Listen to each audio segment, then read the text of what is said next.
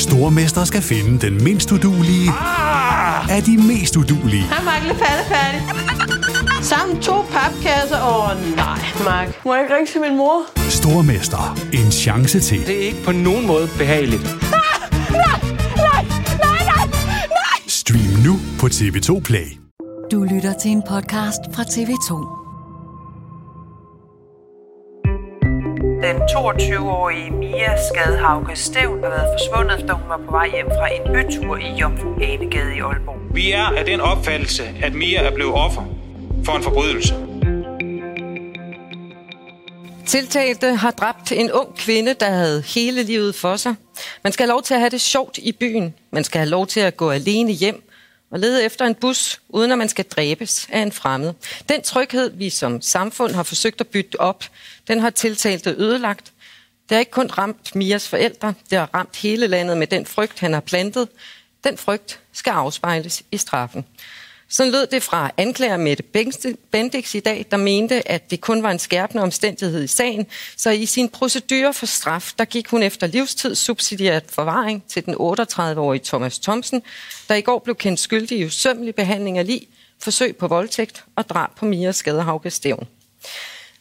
Det er så uhyggeligt, som det overhovedet kan være, at det var en ung, smuk kvinde, der havde hele livet foran sig, at hun var bange. Unge mennesker skal kunne gå i byen, uden at være bange for at komme hjem, det gør ondt i os alle sammen. Sådan lød det så fra forsvaren Mette Grits Dage, der dog mente, at tiltalte skulle idømmes en fængselsstraf på 16 år. Og kl. 11.45, der læste retsformand Lars Kronerup dommen op i retten i Aalborg. 10 kendt for ret. Tiltalte Thomas Thomsen idømmes forvaring Thomas Thomsen har allerede anket denne dom til frifindelse for voldtægtsforsøg og drab, og dermed blev der altså kun sat et forløbigt punktum for sagen, der chokerede en hel by, og for den sags skyld også resten af landet, da den 22-årige sygeplejerske studerer Mia Skadehauke Stævn efter en bytur med sin forinde, veninde forsvandt i Aalborg Midtby tidligere om morgen den 6. februar sidste år. Jeg befinder mig tæt på retten i Aalborg sammen med vores retskorrespondent Astrid Sønberg var tidligere chef for personfarlig kriminalitet ved Københavns politi, Jens Møller.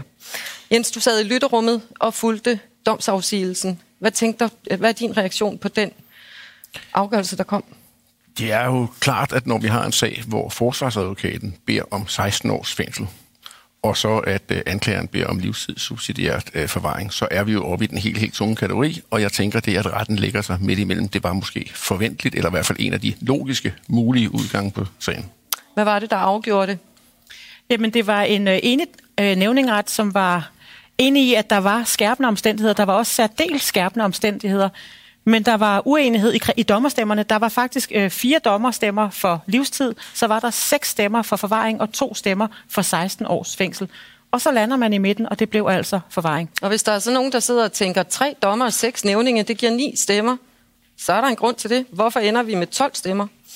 Det er, fordi dommerstemmerne tæller en ekstra gang.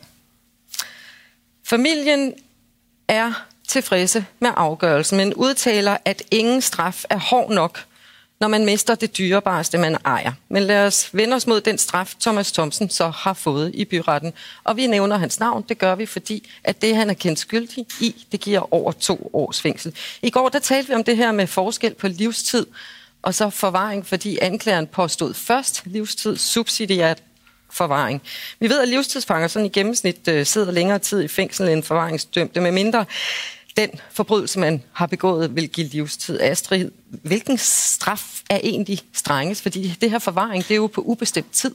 Ja, det er det sådan set begge to, men hvis man kigger gennemsnitligt på det, så er livstidsfanger, det er dem, der sidder længst tid. Men det er meget svært at få fat i tallene. Vi har efterspurgt nye tal, vi har efterspurgt gennemsnitstal, og det kan man faktisk ikke rigtig få. Folketingsspørgsmål øh, ligger også på det samme, uden man egentlig har fået et egentligt svar. Vi ved, at livstidsfanger, de sidder i gennemsnit sådan lige knap 17 år. Det var i hvert fald optællingen i 2018, hvor vi har de seneste tal. Mens øh, forvaringsdømte, de er i nærheden af 13 år eller noget i den retning, men det gamle tal, og det tal, som ikke rigtig er sine, så er der nogle forskelle i forhold til, hvornår man kan blive prøveudskrevet eller prøveløsladt. Men der har også været en øh, lovændring her. Det var sidste år noget, der hedder straffuldbyrdelsesloven. Det findes simpelthen. 49a.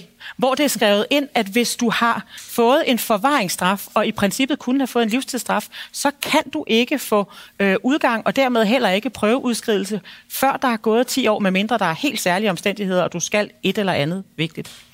Anklageren gik jo altså efter livstid, men Retslægerådet har på baggrund af den mentale undersøgelse, som der er blevet lavet af psykiater og socialrådgiver og nogen, der har talt med ham igennem længere tid, så har de udtalt den 23. maj i år, at han udviser et tegn på psykopati. Retslægerådet udtalt på baggrund af mental erklæring. Han er dominerende, manipulerende, mangler evne, anger, empati og ansvarsfølelse. Han frembyder en nærliggende og væsentlig fare for andres liv. Forvaring er derfor påkrævet for at forebygge denne fare. I hvilken øh, straf er der størst risiko eller chance for, at den, den straffede kan blive prøveløsladt? Alt afhængig af, hvilke briller man ser med.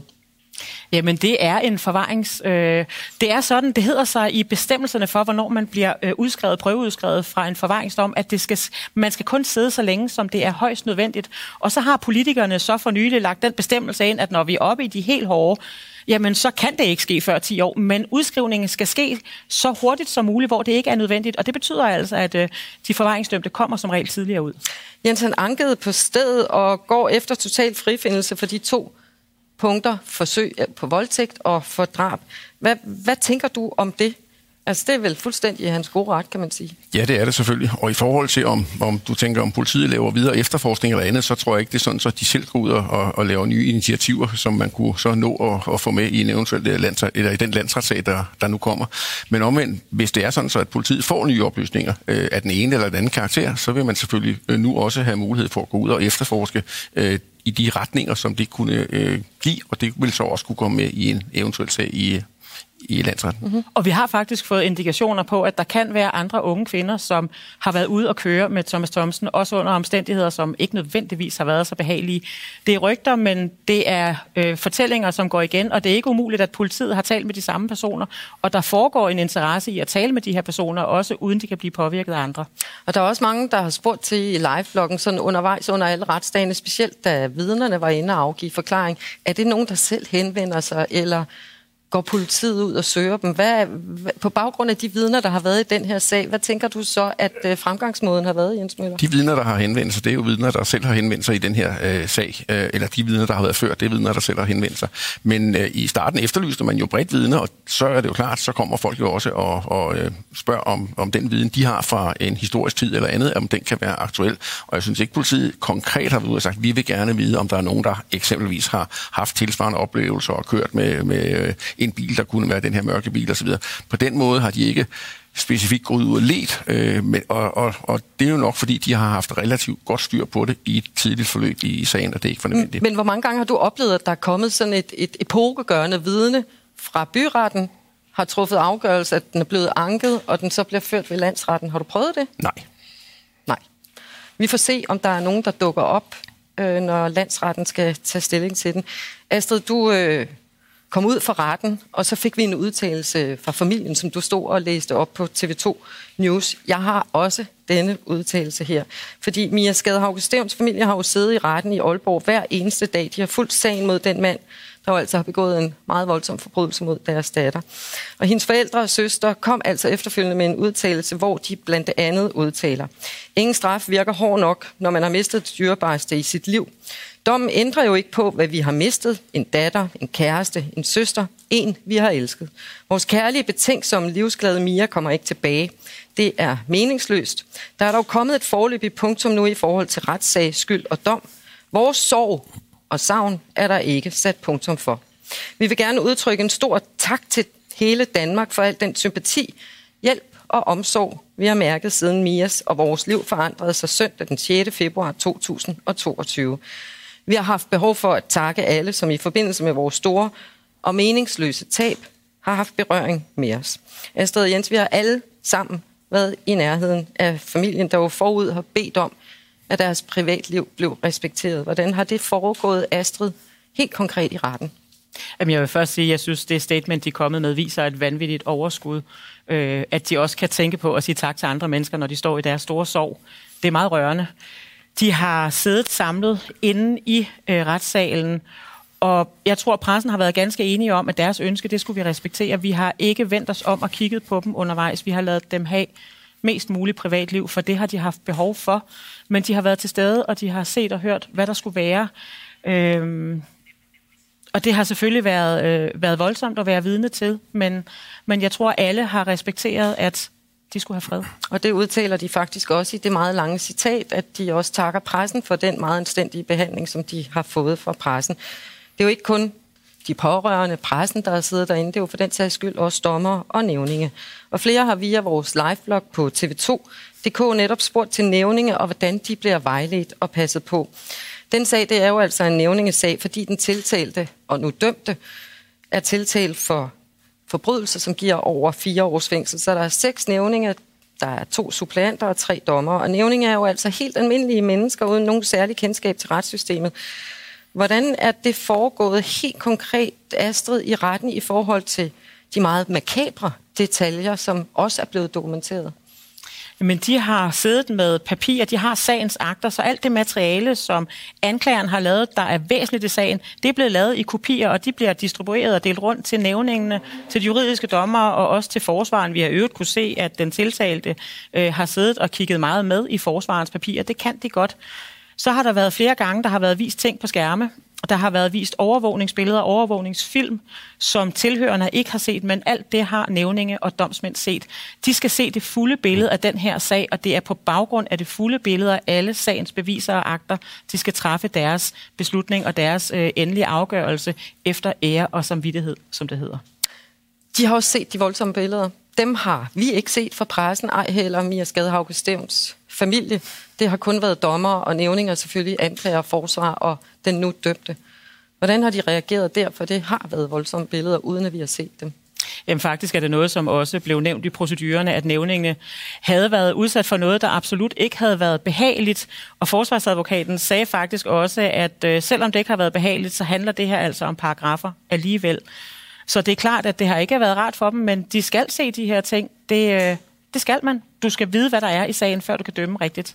Og vi ved fra retsformanden i retten i Aalborg, Lars Kronerup, som I lige så afsige dommen her tidligere i dag, at nævningene faktisk har en debriefing-samtale sammen i dag, hvor også en psykolog deltager. Her kan de så drøfte deres følelser og tanker. Domstolsstyrelsen Domstolsstyrelsen, som er den samlede enhed for alle landets retssal, fortæller yderligere, at den slags psykologisk krisehjælp blandt andet kan stå i, bestå i supervision før, under eller efter en sag til den gruppe af ansatte og domsmænd, nævninge, der beskæftiger sig med den konkrete sag.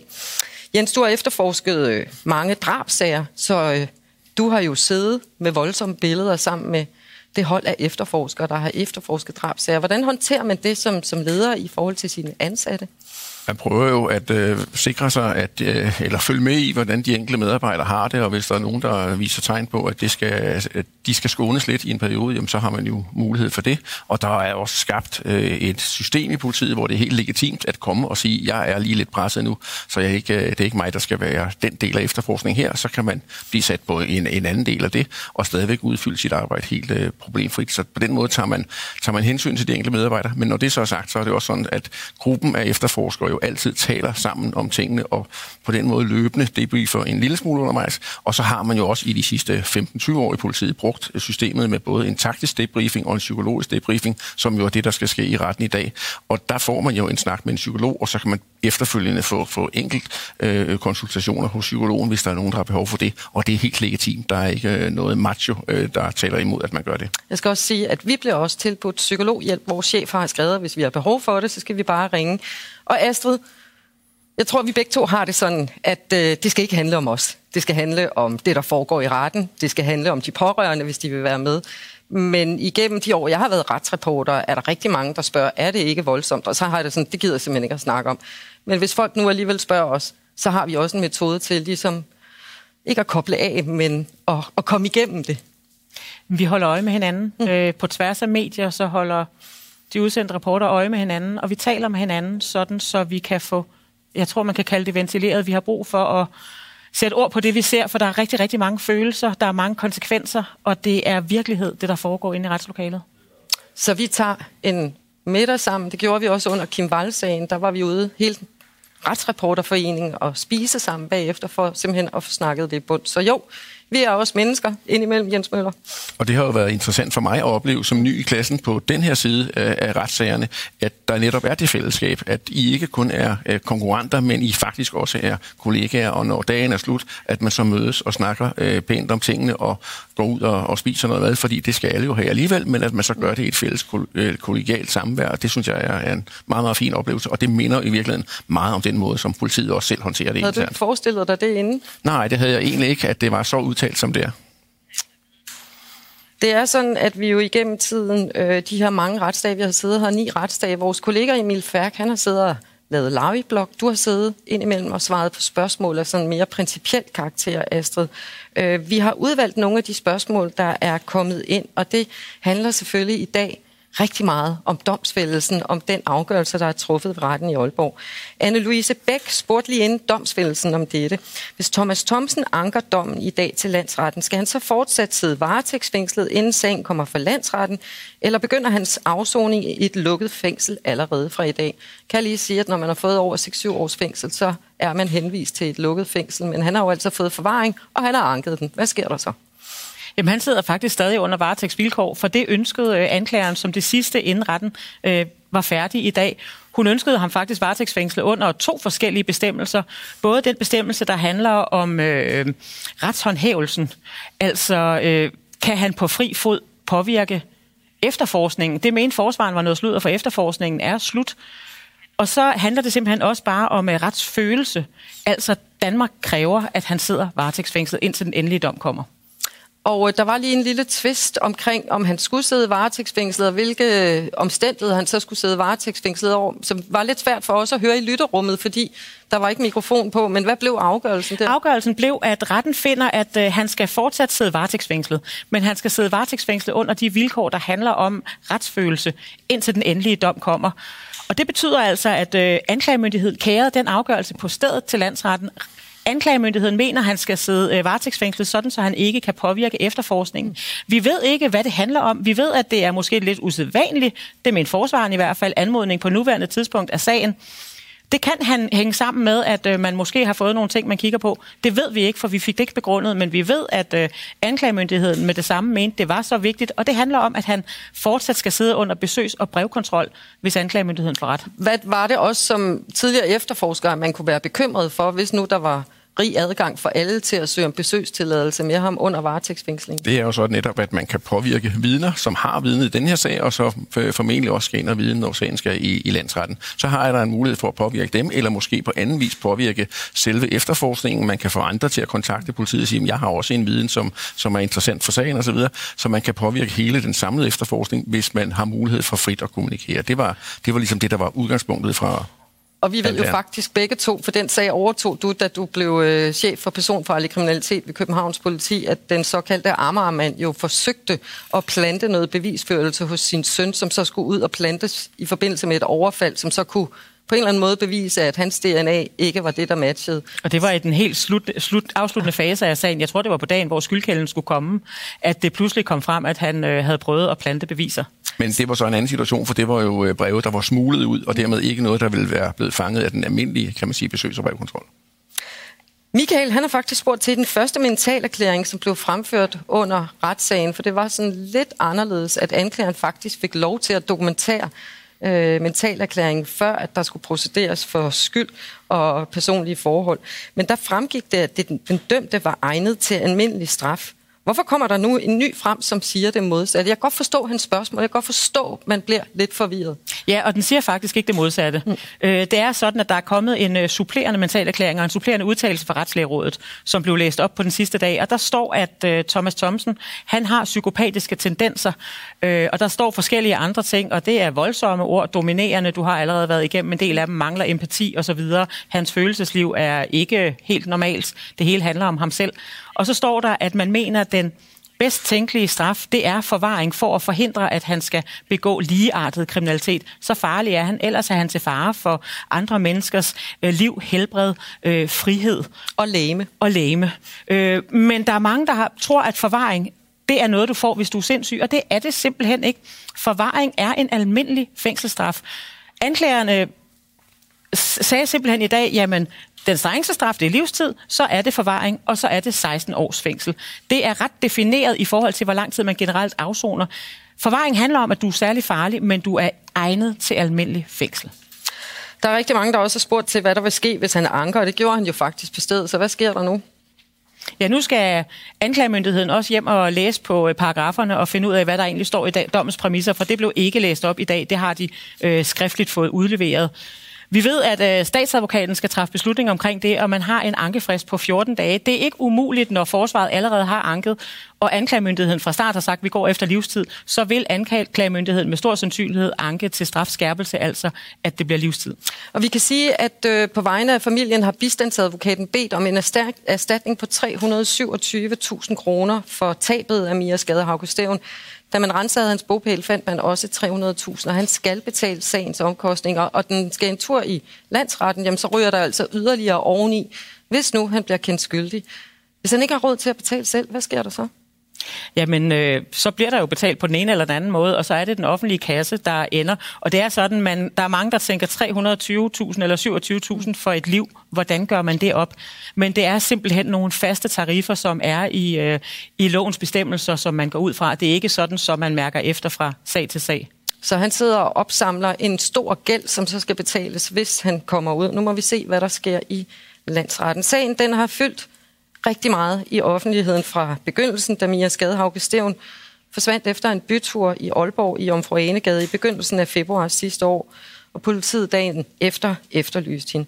Og som anklager Mette Bendik sagde i retten i dag, så har den pustet til en frygt hos os alle, frygten for at blive udsat for en frygtelig forbrydelse af en fremmed. Og i den forbindelse, der udtaler Mia Skadehauke Stævns forældre og søstre dette. Vi håber, at børn og unge i Danmark husker på, at Mias død er en gal mands værk, og ikke en generel frygt værdig, og ikke lade sig skræmme fra at leve det fantastiske og frie liv, der er mulighed for i Danmark. Vores Mia elskede livet. Hun satte stor pris på livet og tog ikke noget som en selvfølge. Hun udtrykte taknemmelighed til os og for de muligheder, hun havde. Jens, hvad kan man lære af den her sag, hvis du skal sætte dig sådan lidt jeg synes jo, at det der lige nøjagtigt, det er rigtig, rigtig, rigtig stærkt uh, udtalt, at de er i den situation, de er, uh, har overskud til at komme med det. Og jeg synes jo virkelig, at uh, de unge mennesker rundt omkring skal lytte til det og tage det ind. Det her, det er jo en hyldest af livet i den grad, som de er ude og, og, og komme med her.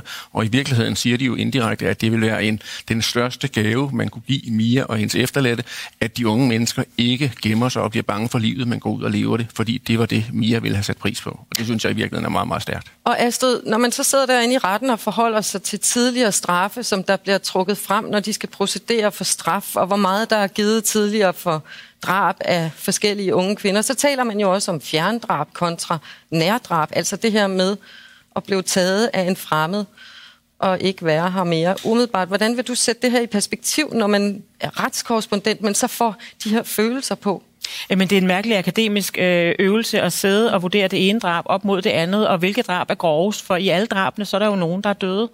Øh, fjerndrab er det drab, hvor der ikke har været en kontakt imellem gerningsmanden og offeret. De er mere sjældne, de kan være svære at opklare. Øh, der er ikke noget motiv, man kan lede efter, mens de fleste drab bliver begået af personer, hvor man har en eller anden form for personlig relation eller kontakt for inden. Så det er, det er en akademisk øvelse, der er lidt mærkelig. Anklageren mente, at det skulle være en skærpende omstændighed, der var tale om et fjerndrab, men hvis du kigger sådan lige rent på lovgivningen, så står der ikke rigtig noget der, så man skal ud i de tidligere domme, man skal ud og sammenligne med, hvad er retspraksis, sådan som man har ens domme for forbrydelserne øh, nogenlunde hen over hele landet. Og nu har vi jo sat fokus på lige præcis den her sag, som optog og optager Aalborg rigtig meget i dag. Men Jens, når du kigger på drabstatistikker, så er antallet af drab jo faldet de sidste par år. Desværre ikke, når det gælder for kvinder. Så når man kigger på antallet af drab på kvinder sidste år, hvad vil du så sige? Jamen, der er jo, øh, vi er helt nede på øh, mellem 45 og 50 drab om året nu, og det er jo et meget lavt tal i forhold til rigtig, rigtig mange lande omkring os. Men der er stadigvæk en relativt stor procentdel af det, som er drab på kvinder. Det ligger normalt på en 12-14 stykker, øh, og, øh, og det er jo øh, selvfølgelig rigtig, rigtig mange. Og Punkt et er jo, at vi mænd skal lade være at dræbe kvinder. Det er jo selvfølgelig det. Men at også, at vi som, som samfund skal lære at tage højde for det, og der skal være noget uddannelse og noget, noget læring bredt i samfundet af de sager her, og, og på den måde, at vi kan også kan være med til at forebygge det. Jeg var ung øh, tilbage i 1989-90, hvor der var seks kvinder, der blev dræbt over to år. Fem af dem de er stadigvæk uopklaret. Øh, den sjette blev faktisk opklaret, da Amagermanden blev kendt skyldig. Jeg kan love jer for, at det har sat meget præg på min generation, at der jo faktisk gik mulige seks skærningsmænd derude. Astrid, du dækker sagen mod drabsmanden eller mand, der er tiltalt for Louise Borligt. Du kommer også til at dække, hvis den mulige, den sigtede i Emilie Meng-sagen og overgrebet på den 13-årige fører til en tiltale, og så er der altså Mia Skadehauke. Kan man forstå, at det her betyder noget for en ny generation at få sat punktum?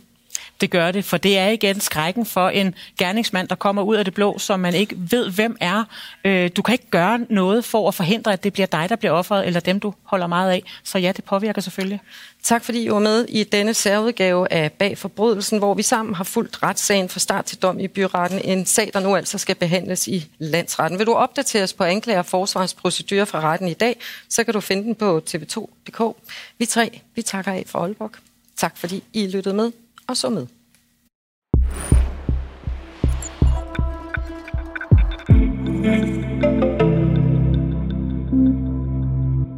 Du har lyttet til en podcast fra TV2.